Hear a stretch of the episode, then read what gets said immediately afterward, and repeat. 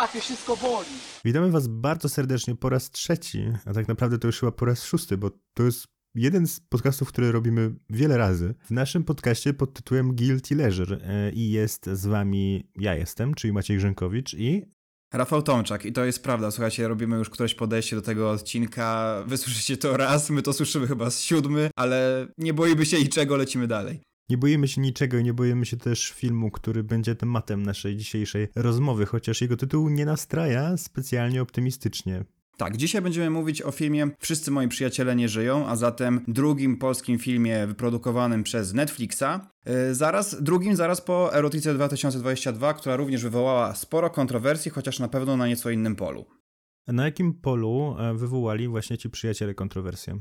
Myślę, że te kontrowersje możemy podzielić tak naprawdę na cztery kategorie. Cztery kategorie, które gdzieś tam się pojawiały, czy to w y, recenzjach krytyków filmowych, czy po prostu w trakcie omawiania tego, tego filmu z, ze znajomymi. Mianowicie, na pewno tutaj będzie gra aktorska, dialogi, żarty, po prostu same w sobie żarty i myślę, że gatunkowość. No może zajmiemy się tymi poszczególnymi kontrowersjami, e, właśnie rozbijając cały film na czworo. Myślę, że to jest też o tyle istotne, żeby pomyśleć na tym, dlaczego on właściwie był taki kontrowersyjny, ponieważ wyklarowało się chyba coś takiego, że on jest jednym wielkim guilty leisure i to takim przykładowym wręcz. Jasne. Już w sumie sam zwiastun sugerował, że, że może, to być, może to być guilty pleasure. I powiem więcej, nawet początek filmu, który de facto zdradza nam zakończenie, sugeruje, że, że tutaj reżyser i scenarzysta nie, nie był nastawiony na to, aby nas zaskoczyć, aby tutaj pojawiły się jakieś fabularne twisty, raczej sugeruje od samego początku, już po zwiastunie po tym początku, co się wydarzy później, a my po prostu mamy czerpać frajdę podczas tego festiwalu akcji. I co, czerpałeś frajdę? Yy, powiem tak, przez pierwsze 20 minut miałem ogromny problem. Miałem ogromny problem z tego względu, że po, przeczytałem różnego rodzaju już yy, opisy dotyczące tego filmu. Byłem nastawiony właśnie na, na film, który się spektakularnie zacznie, będzie spektakularnie prowadzony. Łukasz Adamski napisał o tym filmie, że jest to mieszanka American Pie z Rodriguezem, więc oczekiwania były dosyć, dosyć wysokie. Natomiast przez pierwsze 20 minut mamy do czynienia z ekspozycją bohaterów, która wydaje mi się, że tutaj po prostu nie daje rady. Nie daje rady, dlatego że każdy z bohaterów jest napisany na kolanie, można powiedzieć. Są mało autentyczni w swoich wypowiedziach, a dialogi są po prostu sztuczne. No tak, ci bohaterowie są tacy bardzo, ale to bardzo na jedno kopyto, tak bym powiedział. W sensie jest jeden jakiś motyw, który ich ciągnie do przodu, no i tutaj to się kończy. Nie ma tutaj głębi, nie ma tutaj e, czegoś, z czym można by się było nawet powiedzmy bardziej identyfikować, ale to niekoniecznie musiał być też problem, ponieważ właśnie w sumie o to chodziło, nie? Jeśli to miało być American Pie i Robert Rodriguez, no to prawdopodobnie miało to być mocno przerysowane. E, przy czym na przykład ja miałem też ten problem podczas pierwszych 20 minut, tylko że potem miałem jeszcze większy problem, bo ten problem nie zniknął. Jakby przez cały czas oglądałem to i nie miałem żadnego stosunku emocjonalnego do bohaterów, oprócz tego, że wyglądali jak przerysowani obywatele jakiegoś fanfiku. W sumie ja po tych 20 minutach stwierdziłem, że jest to coś, co, co mi w jakimś sensie odpowiada. To znaczy, w momencie, w którym ja przestaję w ogóle się interesować losami konkretnych bohaterów, tylko jestem nastawiony na czystą rozrywkę, to jakoś przyjemnie mi się to oglądało. Pierwsze 20 minut to, to jest właśnie przedstawienie ludzi i osadzenie ich w jakiejś tam rzeczywistości, która chociażby poprzez nawiązanie do Taco Hemingwaya, teoretycznie jest osadzona jakoś w, w polskich realiach, Natomiast prawda jest taka, że ci bohaterowie, których definiują tak naprawdę może jedna czy dwie cechy, to tak na dobrą sprawę ci bohaterowie zupełnie nie są jakimś odzwierciedleniem ym, polskiego społeczeństwa czy polskiej młodzieży. Jest to po prostu pewnego rodzaju bańka, z którą mamy do czynienia i im szybciej zaakceptujemy to, że to po prostu wszystko jest sztuczne, tym większą frajdę będziemy czerpać. Właśnie tutaj pojawiały się różne głosy, że w końcu mamy jakiś film, który jest tak bardzo amerykański, że powiedzmy ma jakość amerykańską, casting, scenografia, kostiumy. I nie wiem, jakby po pierwsze ja się z tym do końca nie zgadzam. Wydaje mi się, że jednak dla mnie przynajmniej było to troszeczkę tandetne, właśnie może przez to przerysowanie, ale po drugie pytanie, czy tego na pewno byśmy chcieli, w sensie kiedy bierzemy Amerykę do Polski, no to przestaje to już być Ameryka, tylko to jest Polska na, na modłę amerykańską i wydaje mi się, że to straciło jakąś tam e, jakość. No ale tak jak ty mówisz, jeśli ktoś byłby gotów to zaakceptować, no to myślę, że film jako sama rozrywka może, dla, może komuś e, się spodobać. Mi na przykład się nie spodobał dalej. W sensie tutaj nie, nie widziałem żadnych jego pozytywów praktycznie. Jasne, jasne. Znaczy ja, ja na przykład miałem z nim taki problem, że to był taki film troszeczkę zrobiony na pół gwizdka, to znaczy w sumie zastanawiałem się nad tym, czy można powiedzieć, czy ten film jest kampowy, ale z jednej strony ani nie jest tak śmiertelnie poważny i jednocześnie w tej, tej, w tej powadze nie zawodzi, czyli to, to, to nie jest coś takiego, że, że jest zrobiony całkowicie na serio, ale coś tam nie wychodzi i, i widzowie czerpią z tego frajdę, ponieważ jakby zarówno twórcy puszczają oko widzowi, między innymi poprzez jakieś tam sugestie, jak ktoś umrze za jakiś czas, ale do tego są jakieś po prostu nietrafione scenariuszowe decyzje a jednocześnie nie jest to film kampowy z tego względu, że nie próbuje zagarnąć jakby tej całej frajdy dla siebie. To znaczy mam wrażenie, że przekładając te realia amerykańskie na realia polskie. Nie wiem, czy to jest właśnie kwestia polskiej jakby gatunkowości filmu, czy tego, że po prostu zostało to zrobione dosyć, dosyć nie, nieudolnie. To wydaje mi się, że było za mało grossoutu, było za, za mało y, eksploatacji, było po prostu wszystkiego mniej niż ja bym tego oczekiwał. Niektórzy krytycy właśnie zachwycali się tym, że, że tutaj twórcy polecieli po bandzie, ale ja oglądając filmy właśnie w stylu chociażby American Pie czy, czy, czy Roberta Rodrigueza, po prostu oczekuję od produkcji Exploitation więcej. Właśnie możemy porozmawiać też o tym gatunku, bo ja, ja mam generalnie podobne trochę odczucia, że wydaje mi się, że ten film e, nie poszedł w żadną stronę właśnie, ani powagi, ani, ani przesady, no i przez to zatrzymał się gdzieś w połowie i trudno jest się nim cieszyć w taki albo w taki sposób. Ale właśnie ci krytycy mówią czasem, że na tym polega teen sex comedy. No i jak myślisz? Czy na tym to polega? Mm, wydaje mi się, że jeżeli twórcy starają się już o pokazanie jakiejś polskiej rzeczywistości, to powinni przyłożyć do tego nieco większą wagę.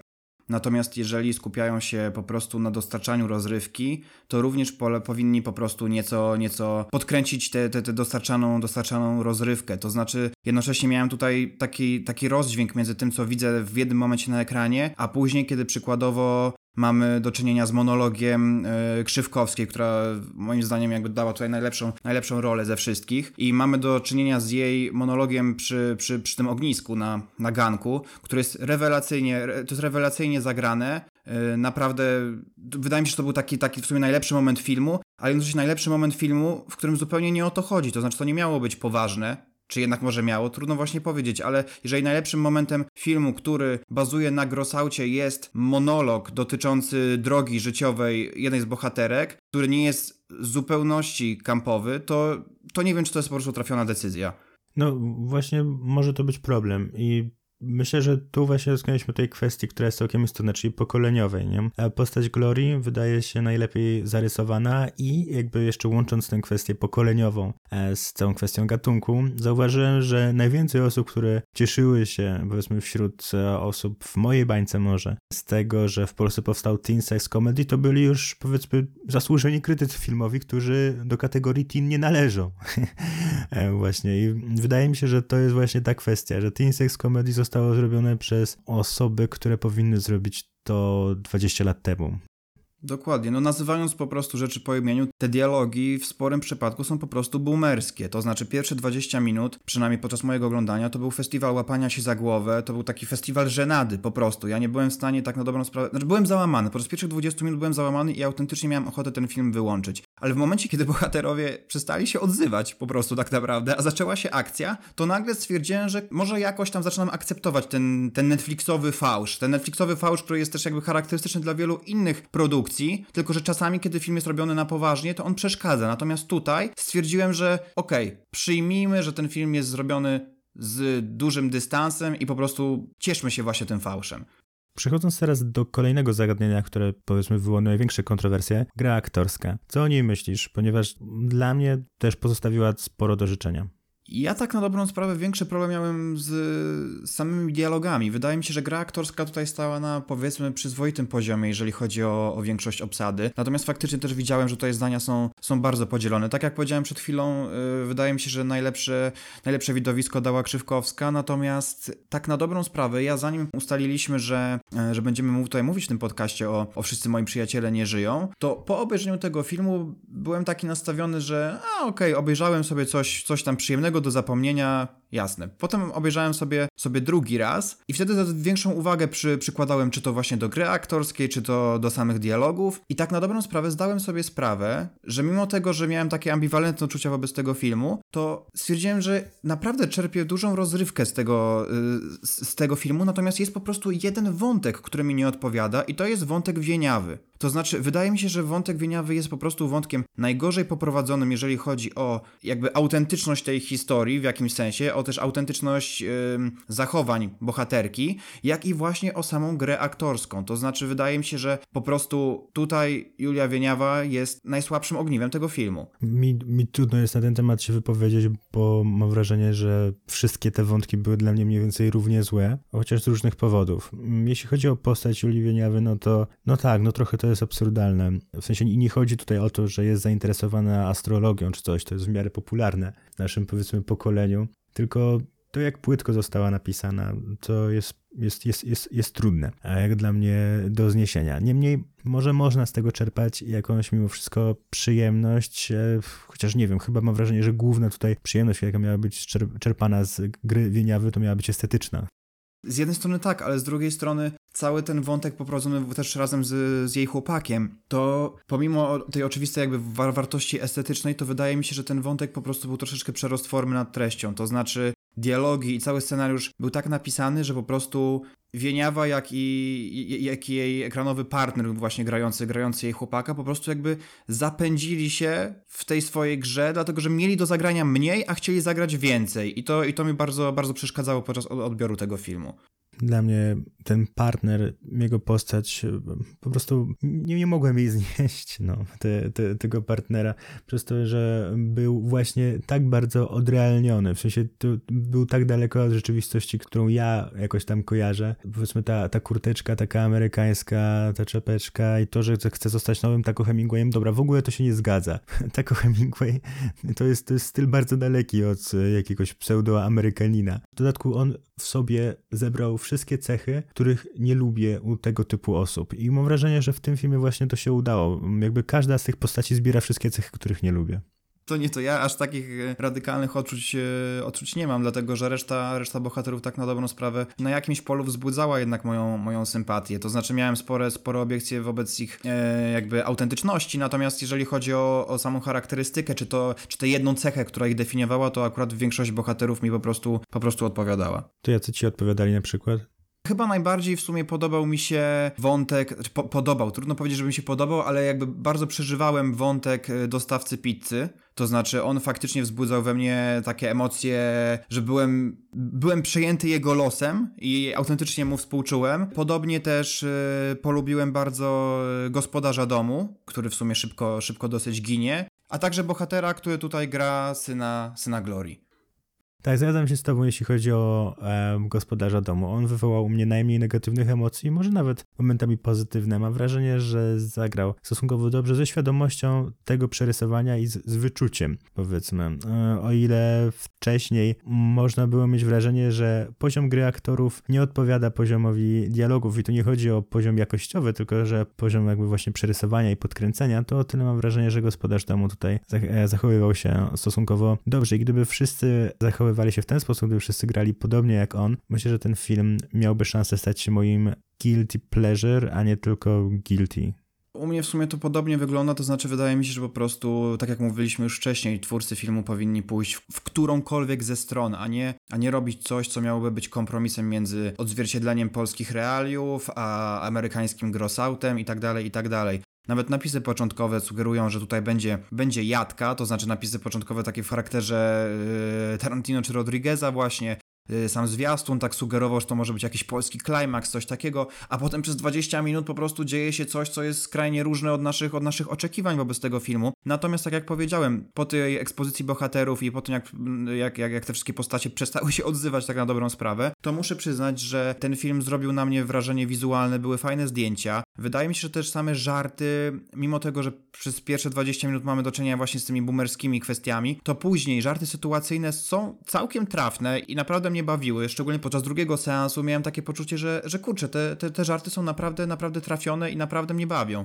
Trochę szkoda mi nieudanej klamry na sam koniec tego filmu, to znaczy wydaje mi się, że w momencie, kiedy już jest jakby ten cały eksces, ten festiwal, festiwal akcji pod sam koniec, to wszystko to, co się dzieje później, te 15 minut tak na dobrą sprawę po imprezie można powiedzieć, w jakimś sensie było dla mnie niepotrzebne, ale, ale sam ten eksces emocji i akcji, który doprowadzał do, do tej największej rozruby, zaczął mi po prostu sprawiać, sprawiać sporą frajdę i, i naprawdę się dobrze bawiłem w trakcie tego filmu. Jeśli chodzi o żarty, to ja się tutaj właśnie zastanawiałem nad tym, czy to niektóre żarty nie są również boomerskie i to niestety w znaczeniu też szkodliwe, jeśli chodzi o współczesne społeczeństwo. Na przykład jeden z tych głównych wątków, czyli w sumie żarty z tego, że pewnemu bohaterowi jakby ten bohater nie jest dobry w łóżku i nagle jego dziewczyna zaczyna krzyczeć na całą imprezę, że jest, e, nie wiem, że jest pizdą, że jest cipą, bo nie potrafi zaspokoić jej właśnie. No i pytanie, o co tutaj chodzi? Czy jaki, jaki cel miały mieć te żarty? Czy one będą kogoś w tym momencie jeszcze, nie wiem, bawić? W sensie mam wrażenie, że społeczeństwo powoli z tego wyrasta, no a nawet jeśli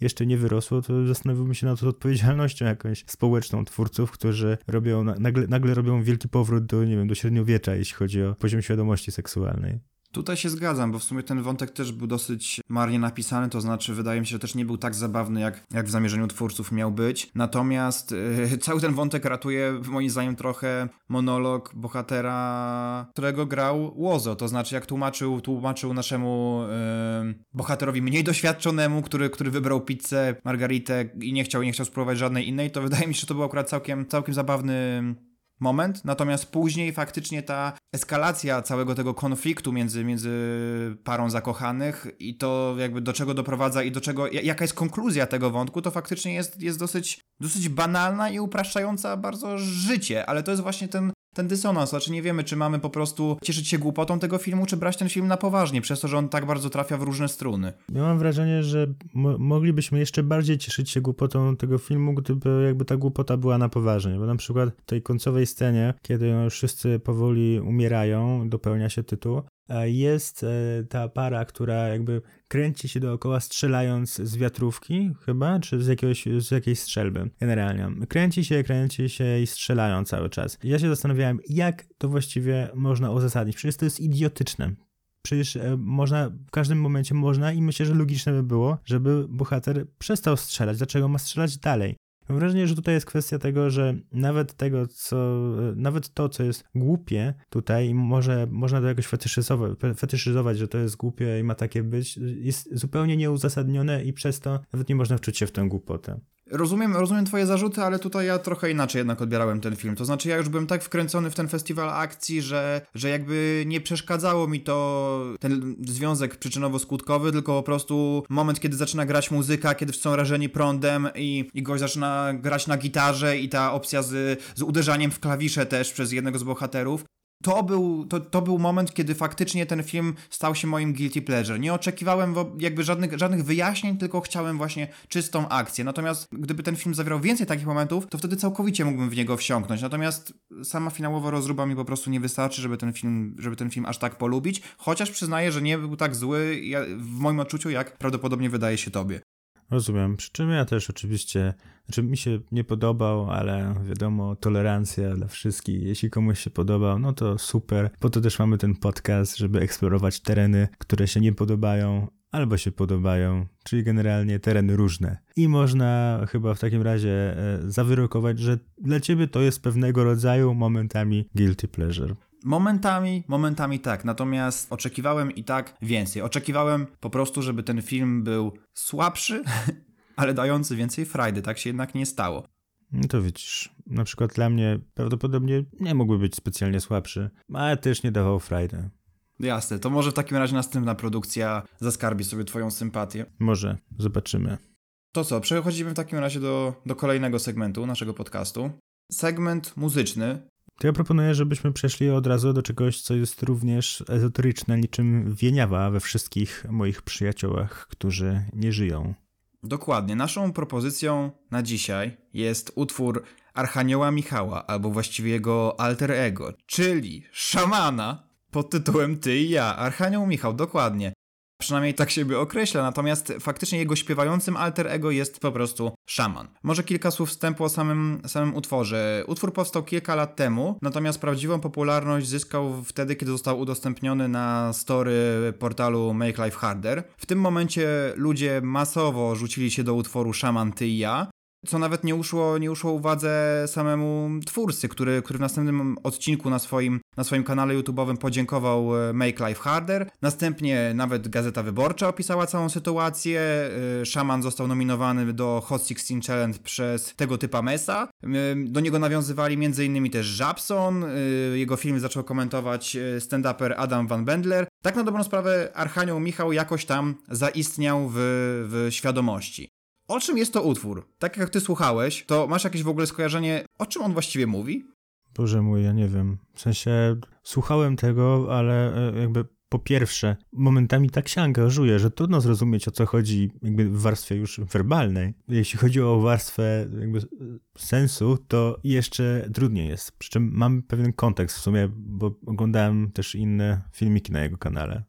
Jasne, właśnie ja chciałem tutaj powiedzieć, że mam nadzieję też, że tak jak nas słuchacie, to sobie sprawdzacie sami te, te poszczególne utwory, które, które proponujemy. I tak samo mam taką małą, małą pracę domową dla wszystkich, którzy teraz tego słuchają. Możecie zatrzymać nasz podcast w tym momencie i odpalić sobie po pierwsze właśnie utwór Szaman Ty i ja Archanioła Michała, ale także pierwszy film na kanale YouTube'owym yy, tegoż twórcy, który myślę, że jeżeli utrzyma waszą uwagę przez te 15 minut, tyle, tyle trwa ten odcinek, to myślę, że doskonale zrozumiecie, w jakiej tutaj, w jakiej symbolice i, i, i w jakiej konwencji się, się poruszamy po prostu. Filmik nazywa się Archanioł Witam.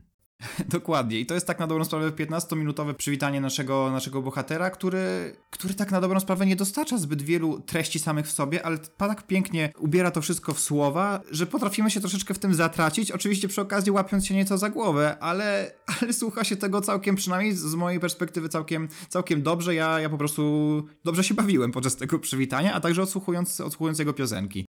Ja też, powiedzmy, znaczy całkiem mnie to ciekawiło, nie? Zastanawiałem się, co właściwie się takiego stało, że on e, zaczął w takie rzeczy się angażować, bo nie wiem, czy klikałeś na przykład ten link, który jest w opisie filmiku Archanioł Witem. A nawet nie, nawet nie. No to to jest, właśnie nawet trudno mi określić, co to jest. To jest pewnego rodzaju, no oczywiście, link do duchowego ruchu.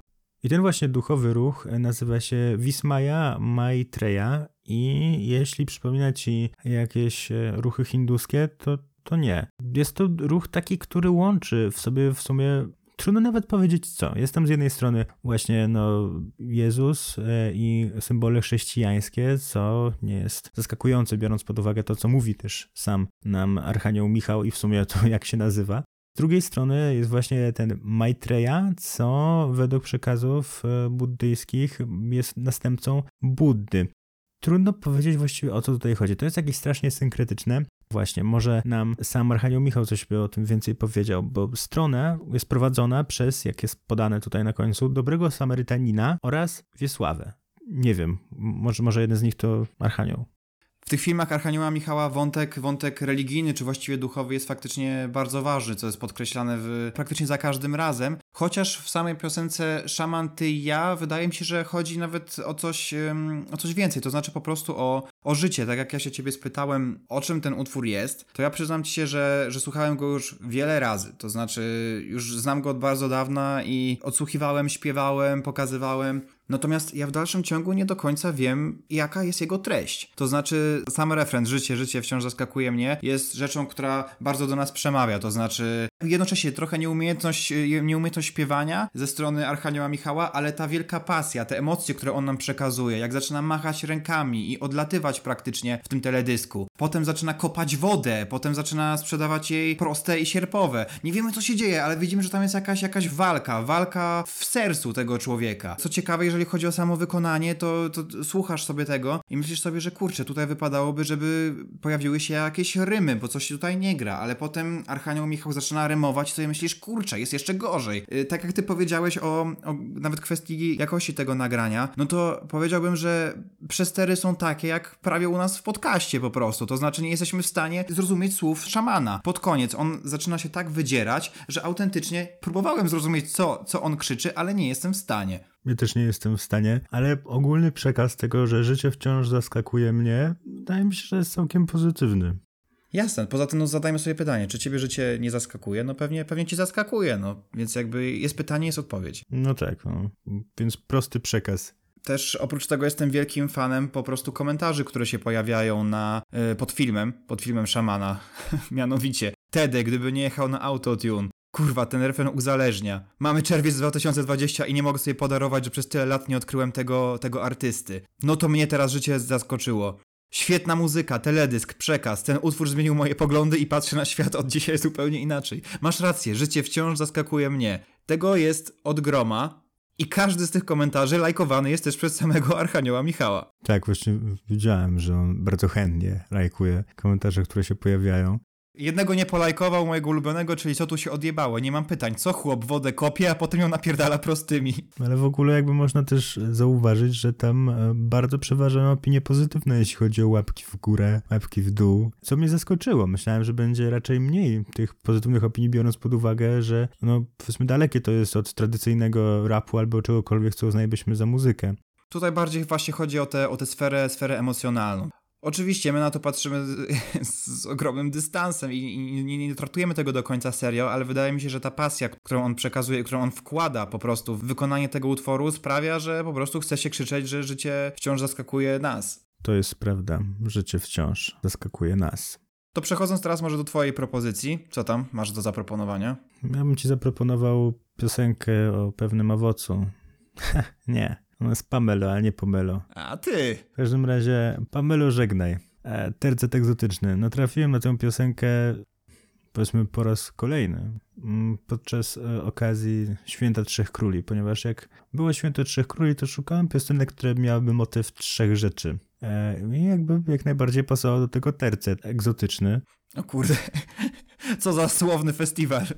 Nie no, jakby to, to, to nie jest żart. Ja wziąłem potem jeszcze na przykład zespół 2 plus 1 albo raz, dwa, trzy. No, generalnie świetnie się bawiłem, jak można to usłyszeć. Ale wtedy właśnie ten tezet egzotyczny również e, dotarł e, w sferę moich zainteresowań. I przypomniało mi się, jak to moja ciocia, e, ciocia Henia, bardzo lubiła ten zespół. Jakby jak przychodziliśmy do niej, e, do jej mieszkania w Grodzisku, no to widziałem e, zawsze bardzo dużo płyt tego zespołu. No i jakby też moja mama mówiła, że właśnie, no co, co, co kupimy tym razem cioci. No co jakiś czas się pojawiło właśnie to, że ciocia lubi tercet egzotyczny, to może coś w tym stylu.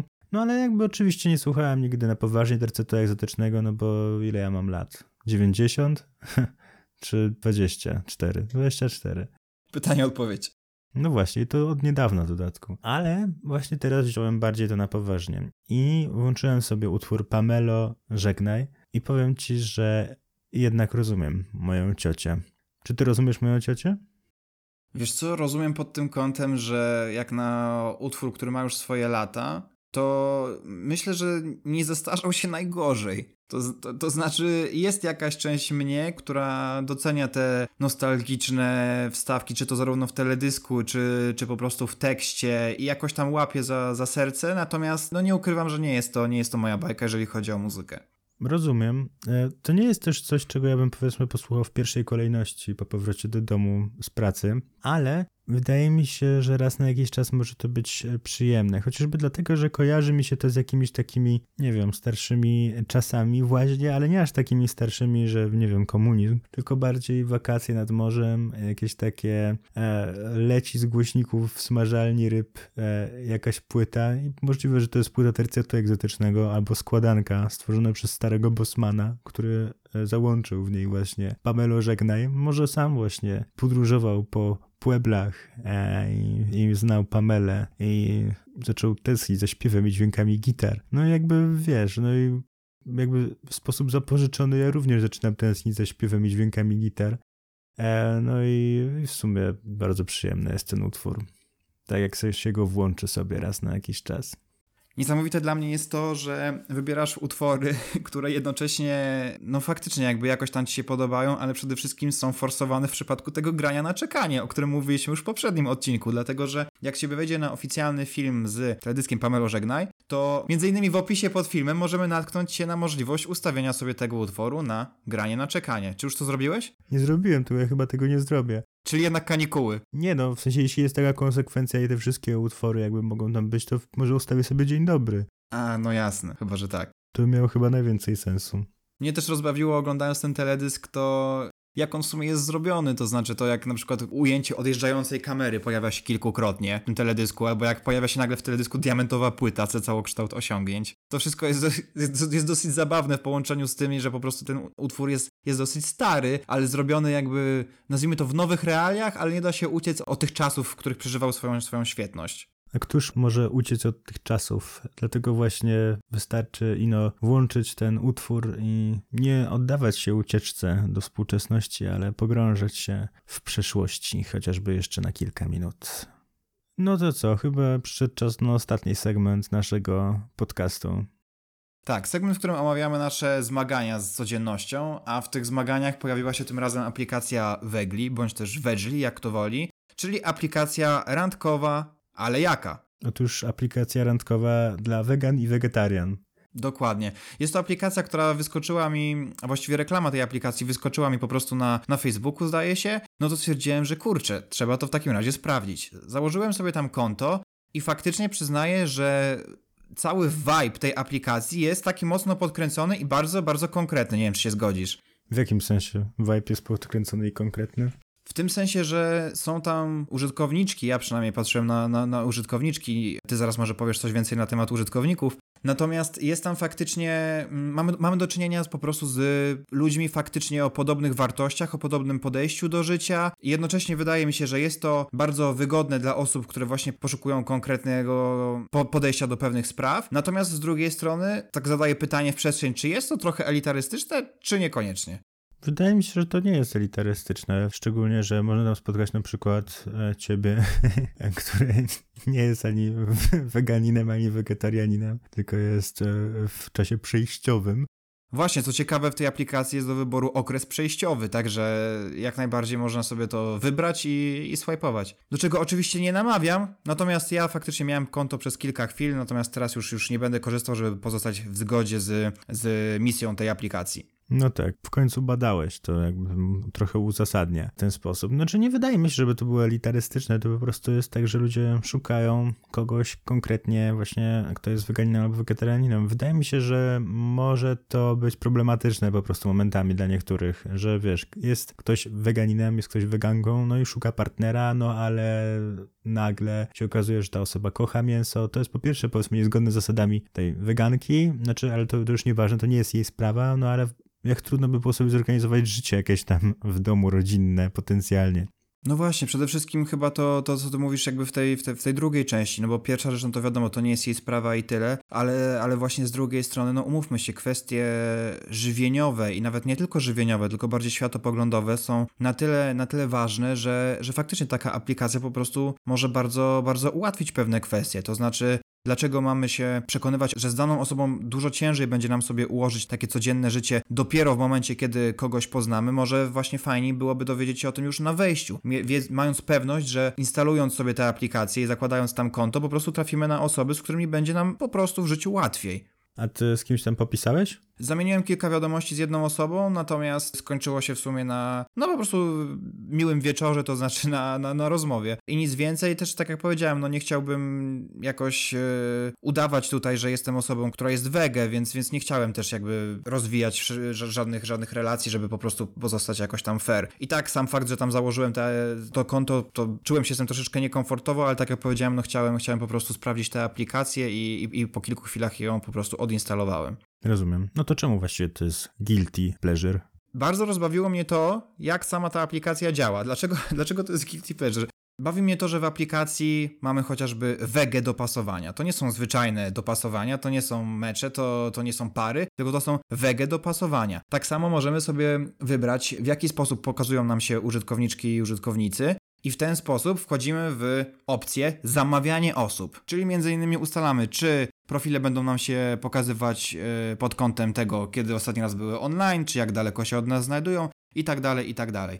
Dodatkowo sama aplikacja wydaje mi się, że mechanicznie po prostu nie daje rady, to znaczy jest mało intuicyjna też bardzo mało informacji daje nam na temat drugiej osoby. To znaczy tutaj miałem też taki, taki rozdźwięk, to znaczy z jednej strony wiemy, jak do pewnych spraw może podchodzić dana osoba, ale tak jakby ta aplikacja stwierdzała, że to są wszystkie informacje, jakich my potrzebujemy, a potem to już wystarczy tylko i wyłącznie imię i wiek. Tutaj zacząłem się zastanawiać, czy to nie jest troszeczkę elitarystyczne w tym sensie, że mamy najważniejszą rzecz klepniętą, czyli bycie wege, a w resztę, czyli nie wiem, w zainteresowania, czy w, w cokolwiek innego, tak naprawdę już mamy wywalone, dlatego że mamy najważniejszą, najważniejszą rzecz. I to mi się wydaje, że jest największą słabością tej aplikacji.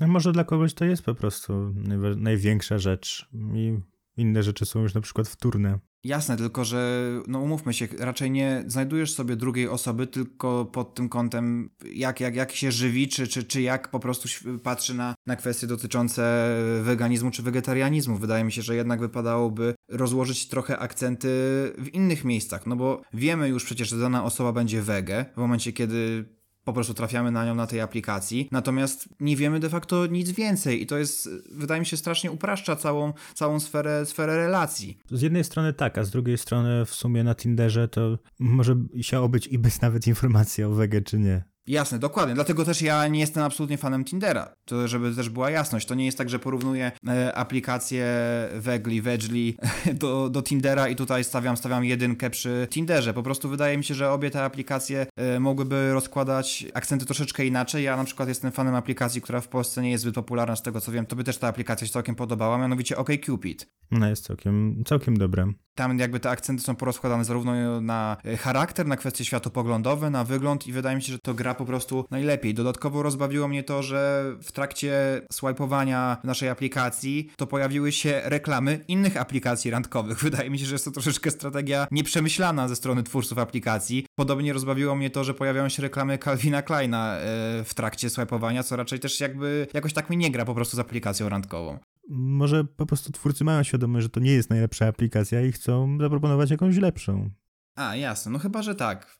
To jest trochę, trochę samobój, ale jeżeli na tym faktycznie twórcom zależy, to, to nie ma problemu. Dodatkowo na samą aplikację natknąłem się jeszcze w momencie, w którym na którejś z grupek facebookowych jeden z użytkowników spytał się o to, gdzie, na jakiej aplikacji randkowej będzie w stanie znaleźć alternatywnych ludzi. I właśnie w tym momencie została podrzucona ta nasza aplikacja, co mnie trochę też rozbawiło, że to jest jakby jakaś alternatywa dla, dla wielkiego i potężnego Tindera, a jednocześnie swoją drogą przykre jest to, że ta aplikacja już na samym początku swojej historii, no bo powiedzmy ta aplikacja jest dosyć młoda, musi się mierzyć z homofobicznymi atakami ze strony niektórych użytkowników i użytkowniczek, co nie da się ukryć, że jednocześnie troszeczkę przeszkadza w promocji, ale może z drugiej strony właśnie nie, dlatego że, że sugeruje po prostu jaki jest charakter tej aplikacji, że może warto ją tam zainstalować dla osób, które po prostu są tolerancyjne. I kończąc nasz odcinek, pragnę jeszcze tylko wspomnieć o dwóch rzeczach, mianowicie zespół Chorley FC w dalszym ciągu pnie się w naszych ulubionych rozgrywkach, Także śledźcie losy, bo za każdym razem nic się tutaj nie zmienia. Jak ten zespół wygrywa, to w szatni odśpiewywane jest Someone Like You. Że im się nie nudzi. nie nudzi im się wygrywanie po prostu. Jest jeszcze jedna taka praca domowa dla Was. Mianowicie, tak jak już wspomniałem wcześniej, mam nadzieję, że zapoznajecie się z tymi utworami też, y, które my Wam proponujemy, więc jesteście na bieżąco z naszymi poprzednimi odcinkami i tak dalej, i tak dalej. Więc mam jedną prośbę. Wejdźcie sobie na YouTube'a i wpiszcie sobie w wyszukiwarce muzyka do seksu. Kliknijcie pierwszą albo drugą propozycję i mam nadzieję, że uśmiech zagości na Waszych twarzach. Również mam taką nadzieję i to nawet nie ze względu na tytuł wyszukiwania, tylko ze względu na pewne odniesienie. Dokładnie, raczej, raczej o to mi chodziło, ale dobrze, że to uściśliliśmy. To co, dziękujemy Wam bardzo za, za ten odcinek. Cieszymy się bardzo, że, że byliście, byliście z nami i zapraszamy na kolejny. Do usłyszenia. Na razie. W naszym jinglu usłyszeliście utwór Le Grand Chase w wykonaniu Kevina MacLeoda. Wystąpił w nim oczywiście również Paweł Jumper, a realizował nas Filip Markiewicz.